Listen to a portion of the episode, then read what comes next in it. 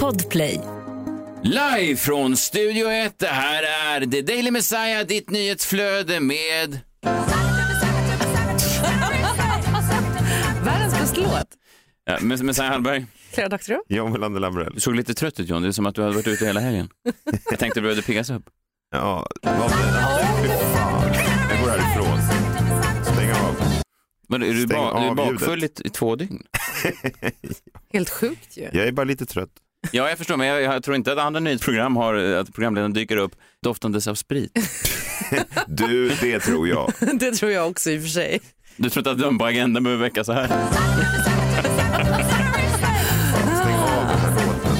När jag jobbade på SVT så var det ju snack om vissa programledare som hade gömt sprit på toaletterna i vattenklosetterna liksom. Under det här locket hade de sina flaskor. Ja, det är mörkt. Det är mörkt. jävla Men mörkt. det är ju mörkt. Ja, Ja. det har inte jag. Nej det tror inte jag heller att du har. Men du gillar en bra fest, det gör du. Ja, Och en bra låt också. ja, ja nej, nej, nej, nej, nej, nej, nej. Inte den här. Världens sämsta låt. Vi går vidare. John Ehm, Melander Lambrell. ja, just det. Du, du sa Nej. ditt namn två gånger, det är bra. Ja, jag har sagt det redan. Får den en gång till.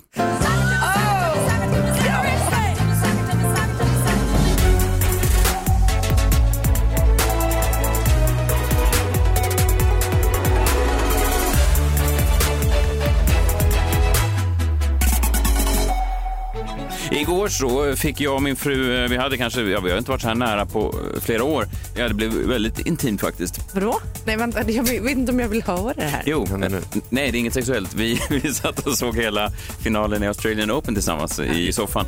Det är väldigt mysigt. Ofta är min fru mycket mer, det är, jag vet inte om det är kvinnligt och manligt det där, men jag har ju lättare att koppla bort då att barnen eh, rör sig och sådär i bakgrunden. Nej, men, att de, men nu har mina barn blivit så, så gamla så att de uh, sysselsätter sig själva och de går ut och in själva. Så att då kunde min fru då sitta bredvid mig hela matchen. Vi kunde sitta i, det var ju fem och en halv timme lång den här matchen. Så vi kunde då sitta och se Rafa Nadal bli eh, den bästa spelaren genom tiderna. Jag tog till och med fram och spelade in när det historiska ögonblicket inträffade. Man hör, det med kvinnan på bandet. Ja. Det är min eh, fru. Där vinner han.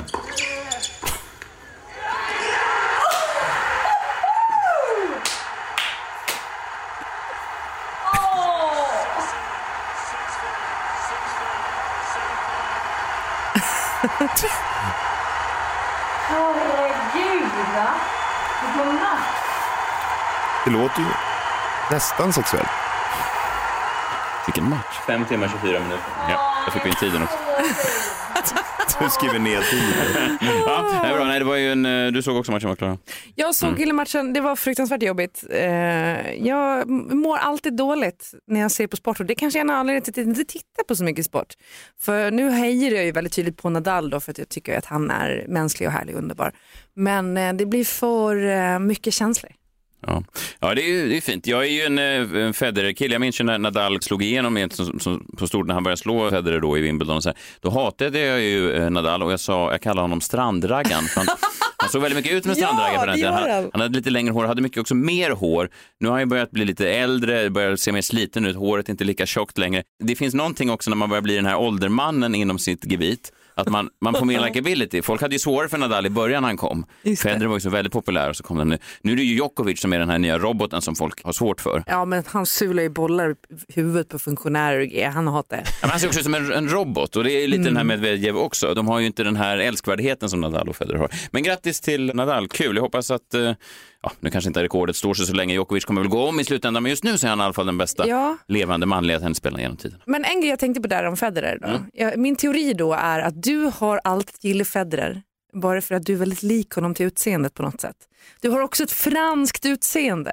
Ja, han är från Schweiz. Men, Ja, men, det ja, visste men inte jag. Jag kanske, trodde han var kanske fran, fransman. den franska delen av Schweiz. Ja. Ja. Ja. Eh, nej, ja, men det kan nog ligga någonting i att jag har ju känt mer sympati för en man eh, som eh, Federer som har en lite mer eh, spenslig kroppshydda.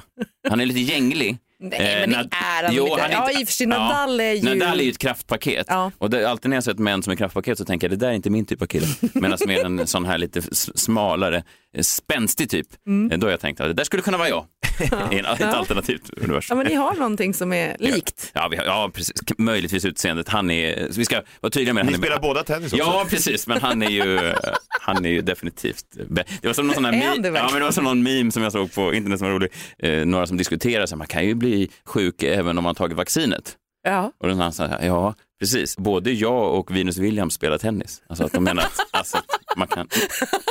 Det är bara fakta som inte riktigt Nej. har någonting med någonting att göra. Nej. Sen är, är det inte lite kittlande, det har vi inte pratat om, men det här med slutförvaringen av allt gammalt kärnbränsle. Det kan man ju tycka vad man vill om, men just att de la det på 100 000 år och i 100 000 år ska det då ligga nergrävt i ett berg vid Östhammar. Just det. En kommun Visst, ja. som ingen någonsin har tänkt Nej, på. jag älskar Östhammar. Jag har tittat stugor precis där, men då var det ju snack om att de skulle ha slutförvaringen. Vadå, var det därför du tittar på stuga där? ja, men runt Forsmark, liksom. för Ja. där har de ju ett Du kärnkraft. ville vara nära Ja. kärnavfallet? Men, men sen då tänkte jag det kanske var en dålig investering att köpa exakt där de ska slutförvara kärnkraftsavfall. Ja, men det enda jag ser framför mig är det här kärnkraftverket i Simpsons som alltid lyser när de är så neongröna. Ja, det är allihop. Homer Ja, när de Ja. kommer från jobbet så om man släcker lamporna så lyser de grönt. Ja, men det är det jag tänker, för det, så, det finns något så sorgligt i att de i Östhammar är så uppspelta nu. De säger, åh, äntligen jobb i vår lilla kommun. Och så, ja, fast det kan ju också gå väldigt, helvete. väldigt fel. De säger ju om eh, having spent a lot of time in a nuclear factory has given Mr Burns a healthy green glow. Ja, men, Ja. ja, men, ja, men, men och det är också när man säger att det ska då ligga här kärnavfallet i hundratusen år, det är liksom som det går Nej, inte det ens går att inte att ta in. Nej, men det är också det är så jävla lätt att komma undan för dagens politiker för att vad, vad ska någon göra? Hålla dem till svars för vad då? Men jag förstår inte heller riktigt, vad tänker du att alternativet skulle vara till att slutförvara det? Alltså, de menar de att de ska kunna gå ner och göra någonting efter ett par år eller efter 200 år typ. Det är väl bara Sverige och Finland som har tagit det till slutförvaring. Alla andra lägger det i någon slags mellanförvaring Okej. och låter det ligga där och puttra. Jag är ingen kärnfysiker ska vi vara tydliga med, så att det, ring inte mig och, och, och kommer fråga. Tennis och kärnfysik. Men det känns ju fortfarande som om det är så att man kommer på något annat sä- sätt att använda den här, eh, liksom, de här restprodukterna så kommer man väl kunna plocka upp det igen. Det borde väl inte vara Jag omöjligt i sätter de här tunnlarna. Nej, jag vet, men de här kopparrör, jag tänker på forskaren som pitchar det här, att, att han säger ja, hur länge kommer det här hålla? Det kommer hålla i, um, i hundratusen år. Det är så svårt att hålla honom till svars för det här. Och att folk bara, Han det låter... ljög. Ja, ja, men, ja, men exakt, såklart att Det har han, bara gått 900. såklart att han ljög. Det är som elbilen som du köpte som ska gå, den ska gå 50 mil. Ja, 50 mil och så stannar den efter 15 mil. Ja, tänk, dig då, kallt. att- tänk dig då att det är om 100 000 år du upptäcker det här. Då kan du inte söka upp herr Volkswagen och ställa honom Nej, svars. och därför ska man inte köpa en stuga i Forsmark. Men en grej jag tänkte på när jag såg de här, den här stora tuben som de skulle sänka ner avfallet i, Mhm. i koppar. Mm. Det var ju bara, fy fan vad mycket koppar. Vet ni hur mycket halvledare det där hade blivit? Jag tänkte på det när jag läste den här situation Stockholm för ett tag sedan. Mhm. Att de kan ju samla koppar från sådana elskrot. Det är värt skitmycket pengar då.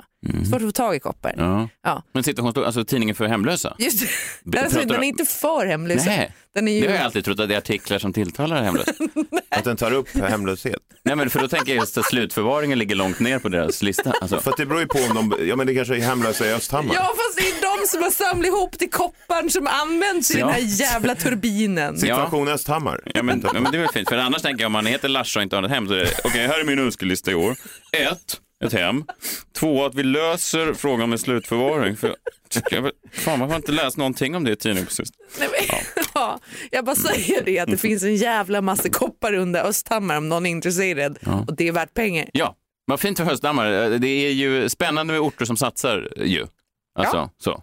Och- man skulle ju också kunna tänka sig att såklart de inte skulle gräva ner de här kopparrören i liksom Djursholm. Alltså såklart de inte Nej, skulle göra. nej. nej. Nej. Utan det är ju en ort som behöver en USP.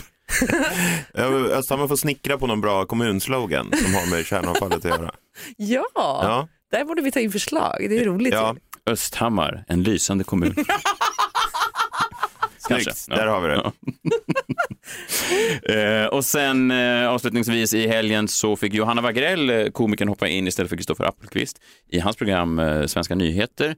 För Kristoffer var då sjuk. Just det. Johanna hoppade in. Och jag vet ju att Kristoffer han eh, skrev uppmuntrande om det här på sociala medier.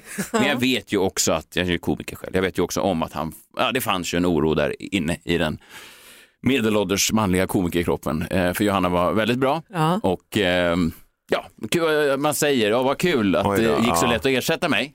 Ja, Men- just det. Var, var, varför behövde han ställa in? Co- Covid. Ja. Ja.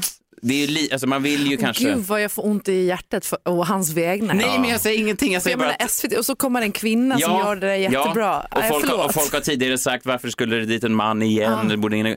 det, mm, ja, I don't know man. Han är körd alltså. Oj, Nej, men Kristoffer är fantastisk. Men bara, gå. Men han kommer ju inte, hans kontrakt kommer ju inte bli förlängt. på grund av det här. Om hon var så pass bra. Ja, hon var jättebra. Ja, nej Ja. förlåt, det är SVT ändå. De har ju liksom också ett ansvar. Så förlåt, alltså jag älskar Kristoffer Appelqvist, Mm. jag gör det, jag tycker han är jättebra. Johanna är också jättebra, men jag menar han är körd. Jag bara säger att det kanske inte var ultimat. Han kanske satt där hemma och tänkte att kan hon inte sätta i halsen i alla fall en gång?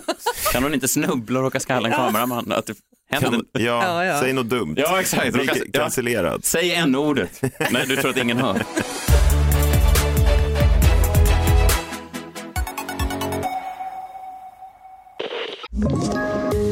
Poddtips från Podplay. I fallen jag aldrig glömmer djupdyker Hasse Aro i arbetet bakom några av Sveriges mest uppseendeväckande brottsutredningar. Går vi in med hemlig telefonavlyssning och, och då upplever vi att vi får en total förändring av hans beteende. Vad är det som händer nu? Vem är det som läcker? Och så säger han att jag är kriminell, jag har varit kriminell i hela mitt liv men att mörda ett barn, där går min gräns. Nya säsongen av Fallen jag aldrig glömmer på Podplay.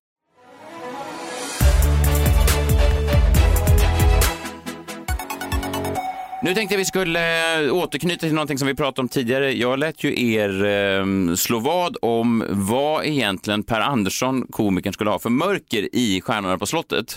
Och nu i lördag så var det ju egentligen hans eh, program, hans eh, kväll.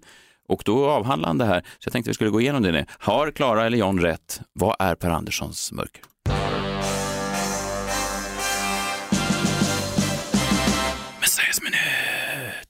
Ja, jag hoppas ingen av er har fuskat eh, och kollat det här i, i förväg. Nej, nej, nej inte. jag tänkte jag skulle inte fuska. Nej, bra. Jag sa faktiskt också till er, kolla inte i förväg för att så här kul har vi på jobbet. Det är jättemärkligt att få ett sms en lördag och så, koll inte på Stjärnorna på slottet. Jag bara, nej, jag hade verkligen inte tänkt att göra det. Nej, men jag tror Det att... ingår i dina arbetsuppgifter.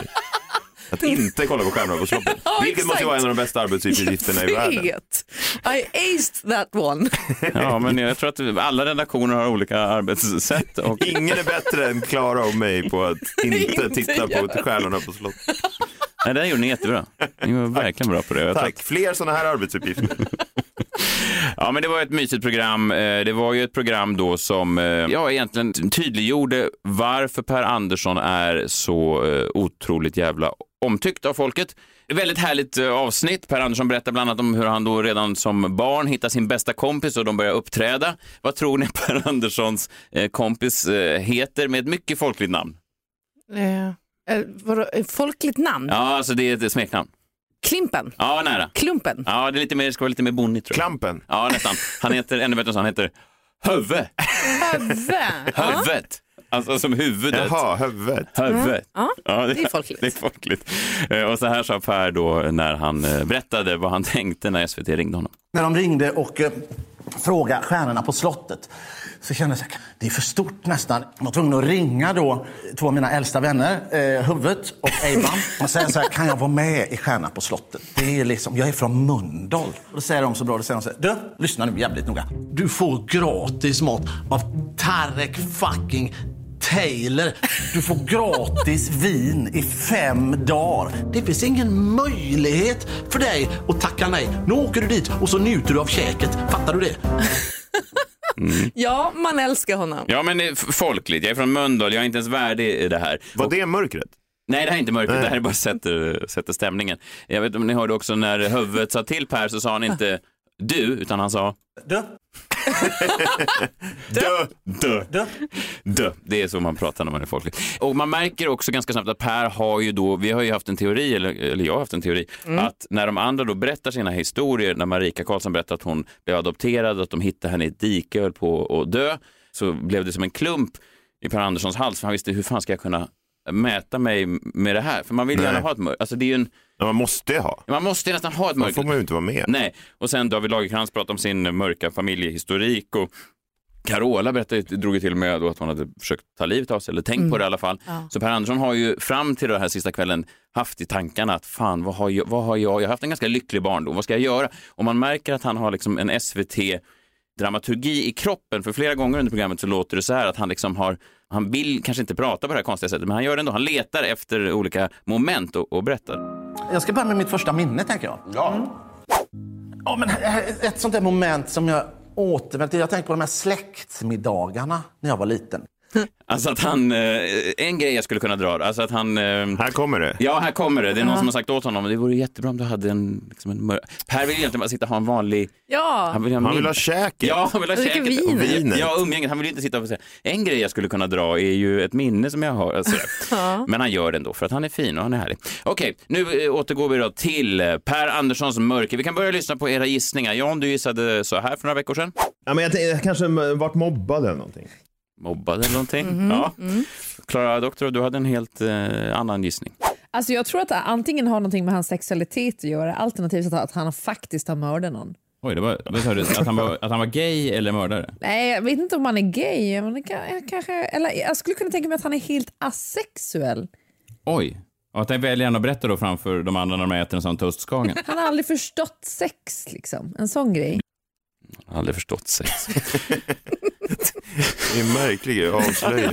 Jag förstår inte hur det går till. men någon måste ju göra det. Ja, att han börjar så. Ja, en grej jag skulle kunna berätta då, det är att jag har aldrig förstått det här med sex. Huvud en gång fick visa mig hur man trädde på honom. Nej, det var inte rätt. Men det var eh, tre mörka grejer, mer eller mindre mörka grejer. Eh, Första mörka minnet var en eh, barndomsincident. Det är sommar. Det är en brygga i eh, Göteborgs skärgård. Det är prunkande sol. Måsarna skriker. Jag springer på bryggan, glad som en spelman. Slänger av mig flytvästen, springer lite till och eh, ramlar. I vattnet. I vattnet. Mellan två båtar. Och Jag kan inte simma heller, så det är som något sprattel som sen bara blir... Jag minns det. Jag är där vattnet och det är solen strålar sådär och det är de här smala två båtar. Och jag förlikar mig med att Okej, det var det. det var det. Mitt första minne är att jag, att jag ska dö. Alltså jag var med om någonting liknande när jag var i Frankrike två gånger men efter det lärde jag mig simma. Jag kan också komma ihåg det där med att man bara sjunka till botten. Det här fick ju ett lyckligt slut. Då. Och sen så kom farsan neddykt däremellan på något sätt under och uh, plockade upp mig. Ja. Det var första mörka minnet såklart. Men man det där är ju hemskt, det har jag varit med om med min dotter också såklart. Ja, men det, alla har väl varit med om det där tror jag. Att man har varit i vattnet. Du menar att det inte är unikt? Jag tror alla har varit med om att man har hamnat i Ja. vattnet när man inte kunde simma. Ja, kan möjligtvis. Sen då, ett annat mörkt minne är att han blev mordhotad, dödshotad på grund av den kontroversiella låten Kuk i hatt.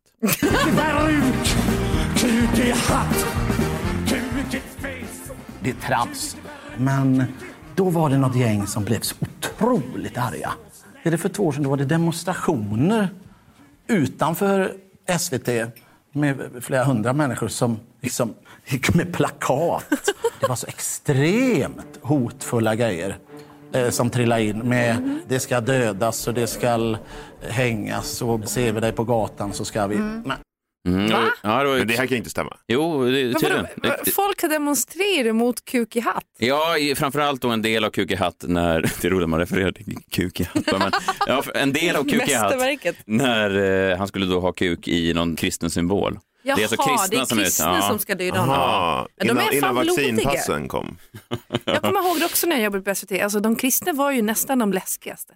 De Ja. skrev de läskigaste mejlen. Var det så? Ja, det var inte liksom från eh, judar eller muslimer utan de kristna. Mm. Och de var fan tokiga. Alltså. Ja, man, man kan väl tänka sig att det är en viss, jag har ju träffat många fromma kristna ska man säga också, så att, Ja. men det är kanske en viss typ av Extrem. extremkristen. Va? Ja.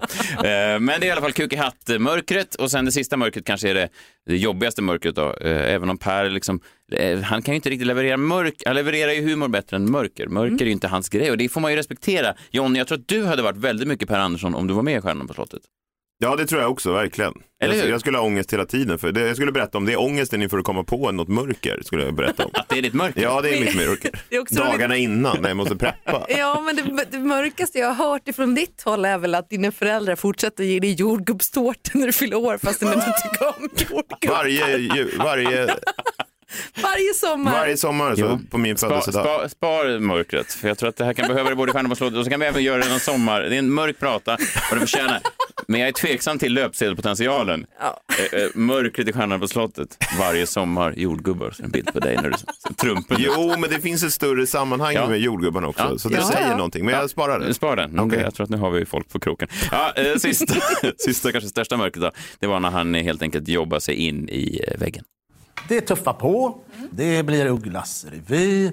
Jag är med på Vallarna. Det är Cash Foll på Oscarsteatern. Det är det. Rock of Ages som åker på turné. Det är Grotesco på Skala. Alltså det, vi spelar ju kanske 200-300 föreställningar. Det är ju två år som liksom varje show är. Så det blir ju ett tidsspann där det byggs på.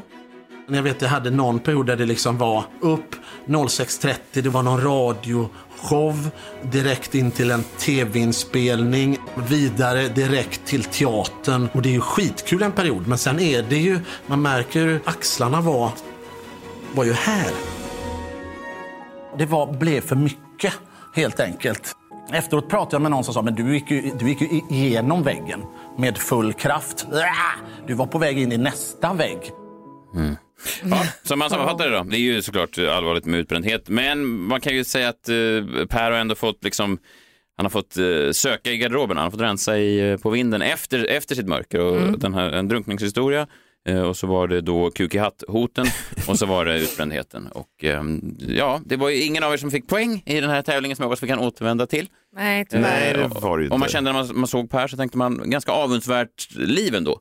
Alltså Ja. Han har aldrig behövt adopteras från eh, Afrika, han har aldrig behövt eh, tänka på att ta livet av sig, utan han har liksom haft några grejer så som människor har mest och det är väl därför Ja, han men- är så... Jag tror att han har mörker där, men jag tror inte att han delar med Men sig av vem vann? Jag var ju närmst ändå. Ja, du var närmare än Klaras asexuella. Nej, men för att eh, Hö- Höve har ju blivit mob- mobbad. Ah, Huvud, han är en ganska mörk historia när Huvud's... Ni, ni får inte skratta nu. Okej. Nej, ni får inte Vadå? skratta nu. Nej, det, det var kanske det mörkaste. Han berättade att... Det är så svårt. Det är du som skrattar. Ja, jag. Säg det nu Jag kan inte säga, nej, men han fick ju aldrig ett namn. Han hette ju Huvud då. Ja, men det var en tra- tragisk historia när Huvud förlorade en familjemedlem. Det var ju... Men det, jag vet, det är Huvudets fel. Ja, man kan inte heta Huvud och förvänta sig att folk ska... Det var, Det var det så- var, ja, det var otroligt sorgligt. sorgligt Ja, det var sorgligt för Ja. det var en nära vän då till. Ja, Stackars huvud. Ja, ja precis, men du hör ju också att det finns någonting i huvudet som, som skulle kunna... Ja, men du hör ju själv. Använd Han, huvudet. han fick aldrig ett riktigt namn. Nej, han dök även upp i slutet och då sa de bara tack då huvudet. Det är, jag tycker att mobbingen pågick mot huvudet av Per Andersson möjligtvis. Har det han som var mobbare? Det mörker. Per Andersson mörker men han Mina år som mobbare. av huvudet.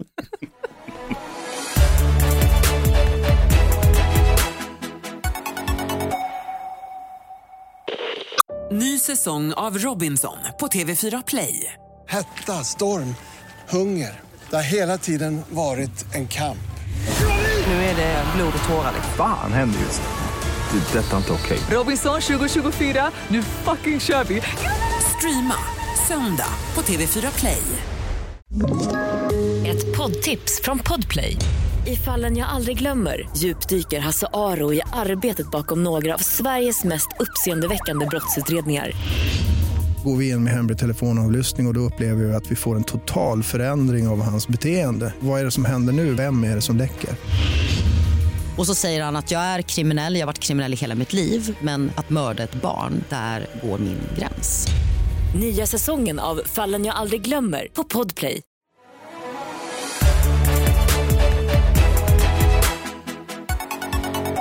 Okej John, eh, dags att vakna, dags att hala ut den här i jombolan.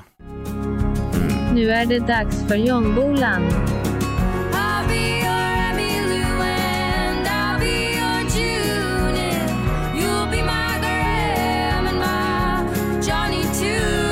Nu är det dags för Jombolan. Nu är det dags för jombolan varje... Och... Jag drar ner din mick, det är sånt jävla liv. Så. Så.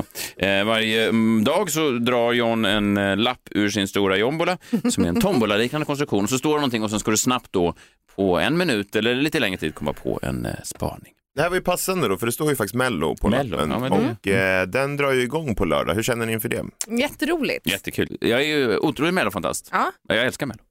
Ja, jag med. Och eh, det jag älskar nästan mest är liksom torsdagar klockan 14 och lördagar klockan 14. På torsdagar klockan 14 så släpps ju en minut av Mm. låtarna. Det. Och det tycker jag är nästan det mest spännande att höra. Jag kommer ihåg när jag hörde Euphoria där första gången och skrev ett mejl till Thomas Gesson och skrev eh, lycka till i Eurovision för jag visste den här vinner. Ja, jag har Mailar mejl- du Gisson? Jag har mejlet kvar. Jag jobbade ju med Melodifestivalen då. Jag kommer ihåg när hon eh, repade den på scenen och jag såg numret för första gången. Jag stod Mm. liksom ensam där. Det här var i Skandinavien tror jag i Göteborg.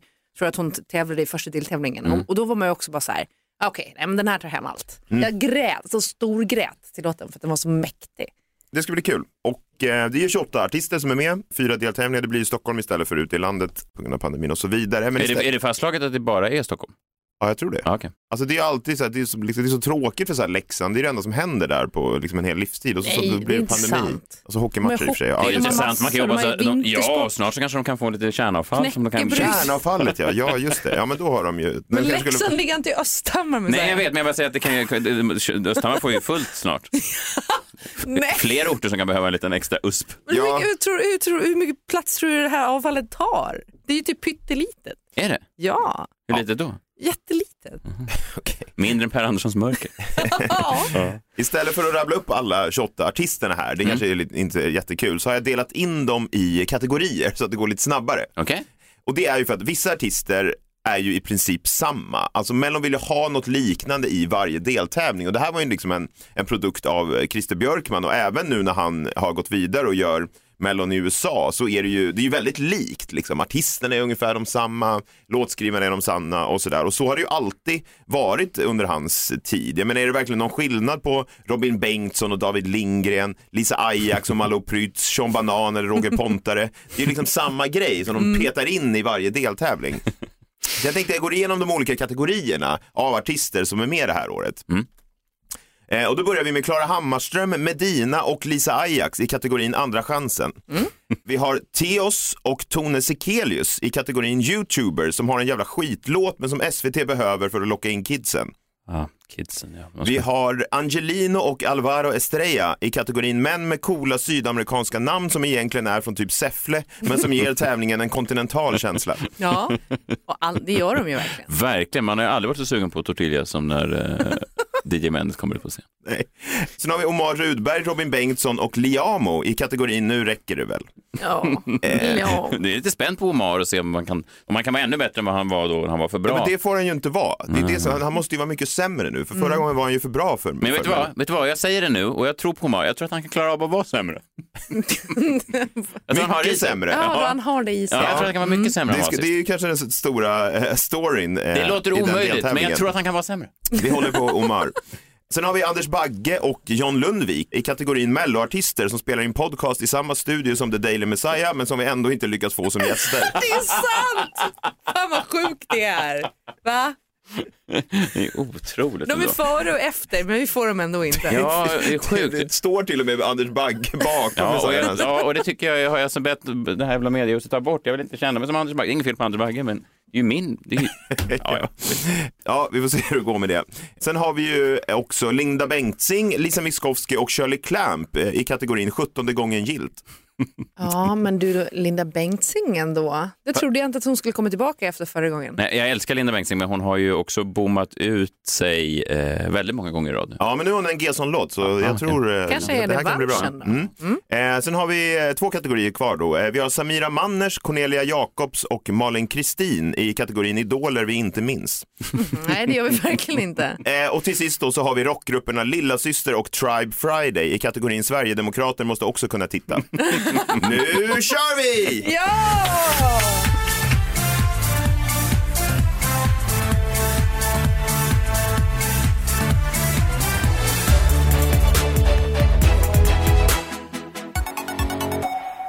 Oj, oj, oj, det där är ju huvudvärk på burk de där två sista artisterna. Herregud, de har inte ont i huvudet innan lilla syster skriker om någonting. Och sen kommer Tribe Friday. Ja, fy fan. Men de är så starka de där alltid. Det är, folk Ja. älskar ju dem. Eh, Det är ju någonting, det är proteströster. Men jag, Ja, förstår, ja, men jag de- förstår inte att folk ens orkar hålla på med sånt längre. Alltså, Det var ju ett tag för kanske tio år sedan som Mello liksom hade problem med, att det var ganska tuntigt. Och då var det ju väldigt många sådana här artister som seglade upp och Mustasch och andra var med och sådär. Men nu så känns det som att man bara säger ge upp liksom. Ja, fast de går ju Everyone ofta... surrenders. De, just de här metalbanden och hårdrocksbanden och så här, de går ju ofta ganska långt. Till skillnad från hiphop och R&B som aldrig riktigt har fått med publiken Nej, in det i har aldrig Mello. funkat faktiskt. Hörrni, jag, jag tänker att det är dags för mig att dra veckans brev. Jag har ju skrivit ett öppet brev den här veckan också. Och jag känner väl lite så här att vi, vi har själva kanske gjort oss skyldiga till det här i podden som jag kommer att prata om. Jag har Ja. väldigt svårt att tro. Jag vet inte vad jag ska prata om, men jag har väldigt svårt att jag skulle ha gjort mig skyldig till någonting. Faktiskt, förutom att sprida god stämning. Ja, men det är du verkligen inte Mm. skyldig till. Förutom att sprida god stämning och kamratskap. förutom det så kan jag inte vara skyldig till något. Nej, men då kan jag säga det att... Och en viss Kan du- sexuell vibb. En viss sexuell vibb. Ja. För den kan Ja, du inte, det är den ingenting ansvarar som- inte du för. Det är ingenting som jag och John plockar upp på i alla fall. Nej. Noll. Nej. Nej. men det jag måste säga är att jag, jag undrar om ni någonsin ligger vakna och tänka på hur vi har behandlat Bianca Ingrosso i den här podden. Brukar ni göra det? Har vi varit taskiga mot Bianca Ingrosso? Nej, men folk hävdar ju typ att vi var lite taskiga när vi, när vi kritiserade julkalendern och kallade Kaja för, för den tjuvaktiga sminkmärket eller vad det var. De var lite tjuvaktigare får Det var ju säga. ett Ja. skämt liksom, men Ja. folk trodde typ att vi gjorde ner Bianca, vilket jag tyckte inte att vi inte gjorde, för jag, jag minns ändå som att jag försvarade Bianca. Nu är hon ju blåsväder Det är så igen. du minns det. Det är så jag minns det. Mm, det är så jag väljer att minnas det. Så det här brevet går helt enkelt ut till dig, Bianca Ingrosso. Ett öppet brev till Bianca Ingrosso. Tja gumman! Alltså jag tänker att här att jag ska försöka vara lite down with the kids. Jag vet inte hur man Mm. säger idag men... Är inte ni typ samma ålder? Nej, hon är lite yngre. Va? Men hur gammal är hon? Hon är måste vara minst tio år yngre än vad jag är. Är det så? Ja, ja. Det skulle man inte kunna tro. Nu är det sexuella vibben jag pratar om. Okej, Ja. okej. Okej. Jag såg här i dagarna att medierna använder dig som dragplåster igen. Den här gången så handlar det om Kajas hudvård. Jag har haft ett tio år långt kärleksförhållande till hudvård och har under den tiden lärt mig läsa ingredienslistor. Och när jag läser listorna på Kajas produkter så ser jag ingenting konstigt i det. Det är alltså ingredienser och formuleringar som är ganska vanliga inom hudvård. Det finns ingen skandal här. Samma känsla såg mig i julas när kritiken kring då Kajas julkalender rullade in som en tsunamivåg i medierna. Ingen brydde sig om det här miljömytet, vad det ens hette, COP21 kanske. Alla pratade om besvikelsen över nudefärgade läppennor i miniformat. Och jag har ju testat många sådana skönhetskalendrar i mitt liv och de flesta är rent skräp. Alla över tio som blir besvikna på en julkalender borde ju eventuellt sättas i särskola, om vi ska vara ärliga. Men det är inte ditt fel Bianca att du och dina företagspartners ser ett utrymme på marknaden och försöker liksom fylla det utrymmet med att tjäna pengar. Om vi ska skylla på någon här så får vi väl skylla på oss själva som valt ett kapitalistiskt system och en fri marknad.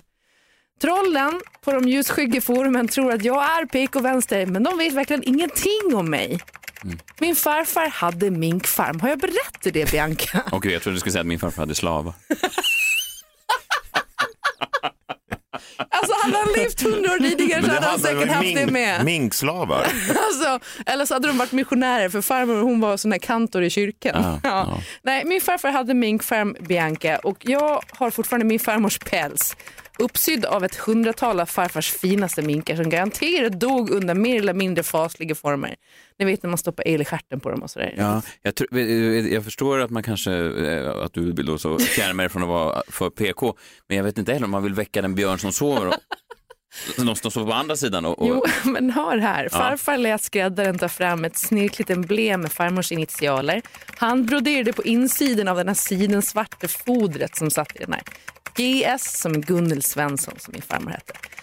En underbar och varm pälskappe och jag har den fortfarande med stolthet.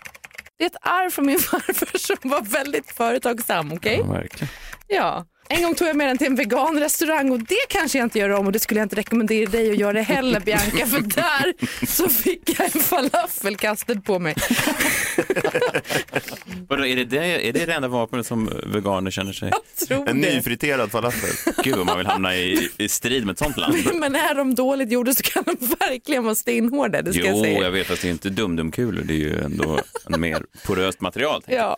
Jag tycker ju inte att äkta päls är något vi ska fortsätta med. Det tillhör ju historien. Men liksom, jag undrar om kritikerna, Bianca, förstår dubbelnaturen i att du ska vara hatad för att du då fick en päls av ett företag som du trodde var konstgjord. Nu när jag ser varannan influencer valsa runt i sån här lammskinnspäls i sån här aviator jacket som är väldigt trendigt och de har ingen som helst analys kring hur de här lammen föds upp eller hur de slaktas och var de kommer ifrån och hur de mår. Det är sånt jävla hyckleri tycker jag. Mm. I vår så kommer den andra dokumentären om Janet Jackson. Vi har sett ämnet avhandlas då i Spice Girls-dokumentären. Vi har sett ämnet avhandlas överallt nu den senaste tiden och jag menar jösses behöver jag ens nämna Britney Spears. Så nedbruten och misshandlad av media i jakten på klick. Analysen så här i efterhand är att det var strukturellt kvinnohat och jag trodde liksom att vi hade lärt oss någonting där. Men det har vi ju inte. För, mig blir det allt tydligare att svensk press använder dig på samma sätt som man använde Britney för 20 år sedan. Och jag tycker att det här är kvinnoförakt i botten. Och det, det liksom måste de sluta med. Upphöra med omedelbart. Män äger merparten av skönhetsbranschen och ändå så är det du Bianca och Kajas produkter som ska granskas och ifrågasättas fastän alla produkter ser ut likadant whatsoever. Vad säger det till kommande generationer undrar jag? När jag ser vad du utsätts för av media De får så... tufft med både det här och kärnavfallet. Verkligen. Vi bara lämpar över det. Mm. Nej, men när jag ser vad du uts- utsätts för av media så skäms jag och jag finns här Bianca och jag kommer fortsätta kriga för dig. Jag är din vän på behörigt avstånd. Klara. Men innebär det här att vi inte kan dra några skämt överhuvudtaget om Bianca framöver? För det tycker jag känns eh, djupt olustigt faktiskt. Vad, vadå, vad är det som är olustigt? Nej, men kan du inte dra dem nu då så får du ut Skämt, allihopa. du kommer få Dra dem nu Nej, men jag, så jag, får du jag, ut jag, jag, nu har jag allihopa. inte skrivit några, men så, så, vad, vad, vad sänder det för signaler till kommande generationer? Ja, att man kan hoppa av skolan och bli miljardär. Ja, men det, vadå? det, det, det, det, det kommer jag på nu. Det är lite Jag tycker roligt bara skämt. inte att hon ska liksom hållas till en orimlig standard som inte män hålls till, vilket det görs när man till exempel går ut och, och kritiserar hennes skönhetsprodukter. De är liksom inte sämre än någonting annat på marknaden. Nej, det är sant. Så Bra. låt det vara bara. Bra. T- På tiden att någon stod upp för henne. Ja, Skönt. bra. Bra. Skönt. Där. Nu fick hon. Bra. Men har, alltså, har ni testat päls? Det är otroligt varmt. Alltså. Och man svettas typ inte. Jätteskönt. Mm, Jag tar såklart avstånd från det här. Jag har aldrig mördat ett djur. Som inte ville det, ska jag säga. Som inte bad om det. Med den där blicken du vet, som de har ibland. Minkjävlarna. Eh, det här var allt vi... Jan, jag ber om ursäkt, det har inte hänt. Jag vet att du är vegetarian. Så det- Jag har aldrig dödat en mink. Ja, du visst. Nej, inte, inte som inte bad om det. I alla fall, vi är tillbaks i eh, morgon, hoppas jag. Eh, det är tisdag då, va?